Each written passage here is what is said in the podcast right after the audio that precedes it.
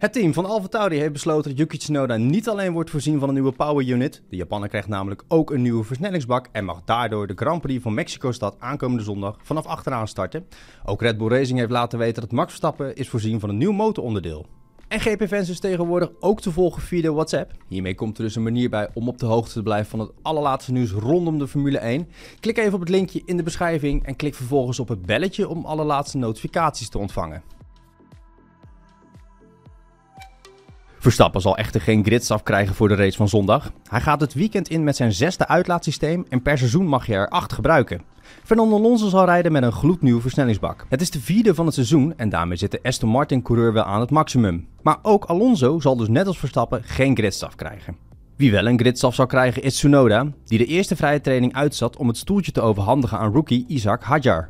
Tsunoda heeft zoveel onderdelen laten vervangen dat hij de Grand Prix in de hoofdstad van Mexico vanaf de allerlaatste positie zal moeten aanvangen. Hij gebruikt zijn vijfde verbrandingsmotor, vijfde turbo, vijfde MGUH, vijfde MGUK, derde batterij, derde control electronics en zevende uitlaatsysteem. Alleen bij het laatstgenoemde onderdeel is hij niet over de limiet gegaan.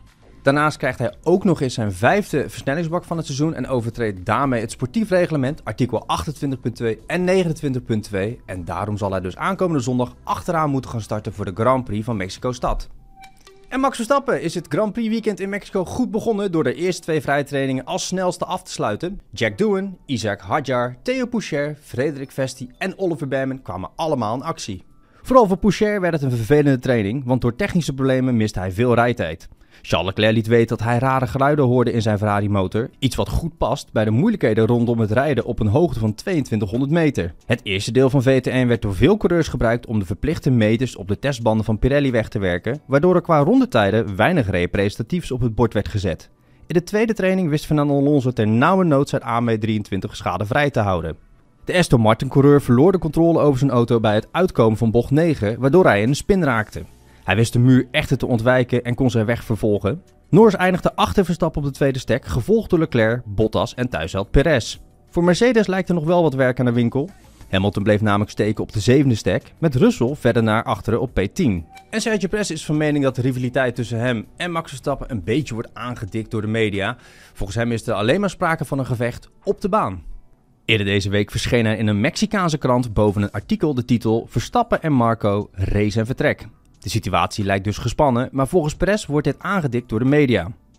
We zijn natuurlijk allemaal rivalen, maar tegelijkertijd zijn we alleen atleten. We willen allemaal het best mogelijke voor onszelf, vertelt Perez op donderdag tijdens de persconferentie. Max en ik zitten in hetzelfde team. We willen allebei winnen en daar doen we allebei ons best voor. Dus ik denk niet dat er een rivaliteit zou moeten zijn. Als ik bijvoorbeeld tijdens de race in gevecht ben met Fernando Alonso, is hij naast de baan niet mijn rivaal. Wij vechten alleen op de baan. Maar zoals ik al zei, de media creëert graag dit soort rivaliteiten naast de baan.